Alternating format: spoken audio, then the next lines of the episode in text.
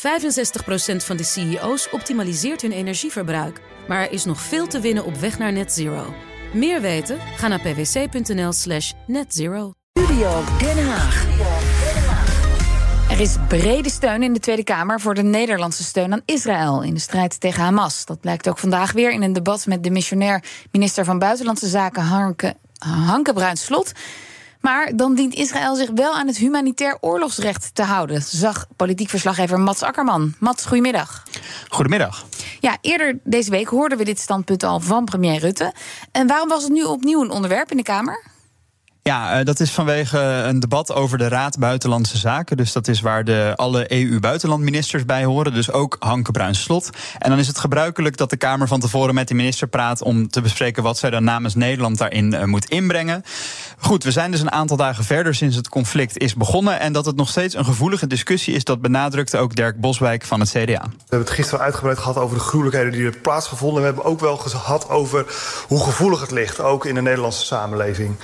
Uh, maar het is uh, voor het CDA belangrijk dat we uh, ja, hier toch eensgezind over blijven staan. Dat we enerzijds de balans zoeken in de steun van Israël, in het, in, het terechte verdediging. Maar anderzijds ook het oog niet verliezen voor de vele Palestijnen die net onschuldig enorm in de problemen zijn gekomen. En dat al zaten onder de terreur van Hamas. Ja, en daaruit kwam dan een motie voort van Dirk Boswijk, ook met steun van VVD, D66, Volt en Omzicht. Dus een brede gesteunde motie, waar dan staat: er verzoekt de regering zich solidair te verklaren aan Israël in de strijd tegen terreurorganisatie Hamas. Verzoekt de regering ook er bij Israël voor te pleiten om voedsel, water, brandstof en zo naar Gaza door te laten gaan. En ook wel de Palestijnen te blijven steunen, maar wel te zorgen dat dan die hulp aan de Palestijnen niet bij Hamas terechtkomt. Mm, ja. um, wat dus eerder Rutte eigenlijk deze week ook al zei. Uh, verder ging het vandaag ook over de reactie uh, van Israël en op de aanvallen van Hamas. En daarover hoor je Jasper van Dijk van de SP. We zien nu de reactie van Israël. Het dreigt een volledige blokkade van de Gazastrook, waarbij 2 miljoen inwoners geen toegang hebben tot primaire zaken als elektriciteit, medicijnen, voedsel en water. Een dergelijke collectieve straf is disproportioneel en in strijd met het internationaal recht. Gaza was al een humanitaire ramp. Het is nu zaak een humanitaire catastrofe te voorkomen. Ja, en daarom dus ook een motie van hem die specifiek erop aandringt om die levering van primaire levensbehoeften richting Gaza doorgang te laten gaan. En voor beide moties uh, gaf ook de minister steun daaraan. Ja, ze klinken gelijkgestemd, maar was er ook dan nog oneenigheid in de Kamer? Ja, bijvoorbeeld bij de wat meer uitgesproken moties. Uh, Raymond de Roon van de PVV diende motie in om alle steun aan de Palestijnen volledig stop te zetten. Nou, dat werd ontraden. Aan de andere kant zagen we Stefan van Baarle van Denk met twee moties. Bijvoorbeeld om de Palestijnse staat te erkennen. En ook die werden ontraden door de minister. Uh, de stemming is pas dinsdag, maar je zag dus wel al een beetje waar breed wel en waar breed niet steun voor was. Ja, en dan naar de minister van Buitenlandse Zaken, Hanke Bruins-Slot. Zij houdt zich bezig met om de repatriëringsvluchten. Nou, dat is op gang gekomen. Hoe gaat dat nu? Ja, dus die is bezig met het terughalen van de Nederlanders. Nederlanders in Israël kunnen zich melden, worden dan als het goed is teruggebeld. Vandaag was de tweede vlucht, uh, niet door KLM, maar door Defensie vanwege de veiligheid. En ik sprak daarover met minister Bruin Slot van Buitenlandse Zaken. En ik vroeg haar naar de laatste stand van zaken. Het is natuurlijk zeer ernstig wat er in Israël uh, gebeurt. En uh, je ziet dat iedereen ontzettend en terecht bezorgd is. Wat wij als Nederland in ieder geval nu gedaan hebben, is om mensen onze Nederlandse burgers vanuit Israël uh, terug te halen uh, naar Nederland. Ja, want er komt een tweede repatriëringsvlucht. Uh, die zou gedaan worden door KLM, maar dat wordt nu Defensie. Wat kunt u daarover vertellen? Ja, we zijn natuurlijk uh, de uh, vluchten aan het plannen. En gisteren heb ik ook al in het debat gezegd... dat als er meer vraag is van Nederlandse reizigers... die terug willen naar Nederland... dat we dan ervoor zorgen dat dat zo goed mogelijk... gezien de omstandigheden kan gebeuren. KLM heeft aangegeven dat in de huidige veiligheidssituatie... het voor hen te lastig is om te vliegen. gelukkig heeft Defensie direct gezegd... wij nemen deze vlucht over. En dat betekent dat vandaag Defensie gaat vliegen. En als er meer vluchten nodig zijn, dan zit er geen limiet aan? Klopt, wij zijn gewoon zo lang als het mogelijk is... Uh, zijn we bezig om uh, dat te organiseren. We zien dat er nog meer vraag is van mensen die graag uh, Nederlandse reizigers... die terug willen naar Nederland. En dat betekent dat we nu ook voor vrijdag bezig zijn... om een vlucht voor elkaar te krijgen. We lezen ook verhalen van mensen die zich wel gemeld hebben bij buitenlandse zaken, maar nog niet uh, teruggebeld worden. Wanneer denkt u een goed beeld te hebben van hoeveel Nederlanders daar nog vastzitten? Ja, dat is een situatie uh, die echt in ontwikkeling is. Want gaan mensen natuurlijk vanaf die zelf ook standig bijvoorbeeld richting huis gaan. Want er zijn nog steeds commerciële vruchten. Wat we doen is, we hebben een heel goed en ook actief belteam. Die gaan alle mensen zo goed mogelijk bellen en zo snel mogelijk. Maar omdat we ons ook inzetten om eerst de mensen op de vlucht te krijgen, kan het zijn dat een aantal mensen pas later gebeld worden. Maar iedereen krijgt uiteindelijk een reactie. En hoe lang denkt u daar nog ongeveer voor nodig te hebben? Ja, het komen nu ook steeds weer nieuwe mensen bij. Dus uh, ik weet dat er bijvoorbeeld gisteren honderden en honderden mensen zijn teruggebeld. En daar contact mee is geweest. Vandaag gebeurt dat ook weer. En morgen ook. Dus laat maar geen deadline bij zetten. Uh, maar laten we er gewoon voor zorgen dat mensen zo snel mogelijk een reactie krijgen. Hoe kijkt u naar de humanitaire situatie daar? Want we lezen ook verhalen over het afsluiten van medicijnen, water en licht.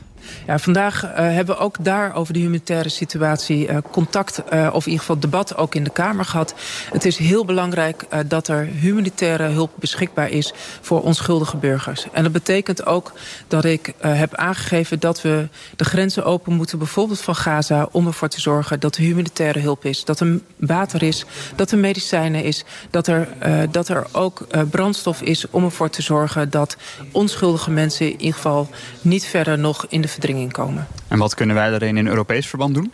Ja, dat in Europees verband betekent dat ik dit verzoek ook overbreng aan uh, Israël. Maar ook gezamenlijk uh, met de Europese lidstaten hebben we ook al voor gezorgd dat de humanitaire hulp aan de Palestijnen wordt voortgezet. Tot slot, je merkt net in het debat en eigenlijk uh, overal... het is best wel een gepolariseerd debat. Je wordt bijna een soort van of pro-Israël of pro-Palestina. Hoe gaat u daar als minister van Buitenlandse Zaken mee om? Nou, wat ik wel ook juist tijdens het debat merkte... is dat er wel grote overeenstemming is over dat onschuldige burgers... hier niet verder het slachtoffer van moeten worden. Of het nou een Palestijnse of Israëlische uh, zijde is. En iedereen, uh, uh, iedereen keurt het geweld af. En voor mij is het belangrijk dat we ten volle steun bieden aan Israël. Zij staan in hun recht van zelfverdediging... in lijn met het internationaal recht. en dat is belangrijk. En ondertussen moeten we ervoor zorgen dat de gegijzelden echt vrij worden gelaten. En in internationaal verband roep ik andere landen ook op... en spreek ik met hen om hun uh, kracht en zwaargewicht uh, in te zetten... om dat voor elkaar te krijgen. Ja, dat was dus minister Bruinslot van Buitenlandse Zaken. Uh, laatste nieuws over die tweede repatriëringsvlucht is dat die vol zit. Okay. Uh, verder weten we ook dat er morgen ook alweer twee nieuwe vluchten ingepland zijn. En dat kunnen er dus meer worden. En verder lezen we: wacht niet op een vlucht van de overheid. Als je zelf een kans ziet om het land te verlaten, doe het dan. En daarbij bevelen ze dan bijvoorbeeld ook een aantal uh, commerciële vluchten aan die je nog kan pakken. Dus ja, Buitenlandse Zaken zegt zelf: we werken hier dag en nacht aan. En Mats, tijdens de herdenking gisteren in de Kamer zei premier Rutte nog: ja, na zo'n afschuwelijke serie aanslagen past geen ja maar. Um, nou, dat legde hij toen omstandig uit. Hoe was dat dan vandaag in de Kamer? Ja, wat je nu dus merkt is dat die ruimte voor die ja maar... dat die er wel meer begint te komen. Hè. Dus iedereen probeert het conflict nu wel echt van twee verschillende kanten te belichten. Dus ook dat het, uh, ja, de Palestijnse situatie, dat die ook ingewikkeld is. En dan wordt er toch wel veel gezegd, er zijn eigenlijk alleen maar verliezers. Maar er lijkt dus meer ruimte te zijn voor nuance. En daarover sprak ik met Kati Piri van PvdA GroenLinks uiteraard onze afschuw uh, uitgesproken, nogmaals, over wat er zaterdag is gebeurd. Uh, en uh, ons medeleven betuigd natuurlijk met de slachtoffers en met de Joodse bevolking, ook in Nederland, die natuurlijk heel erg meeleeft met die gebeurtenissen.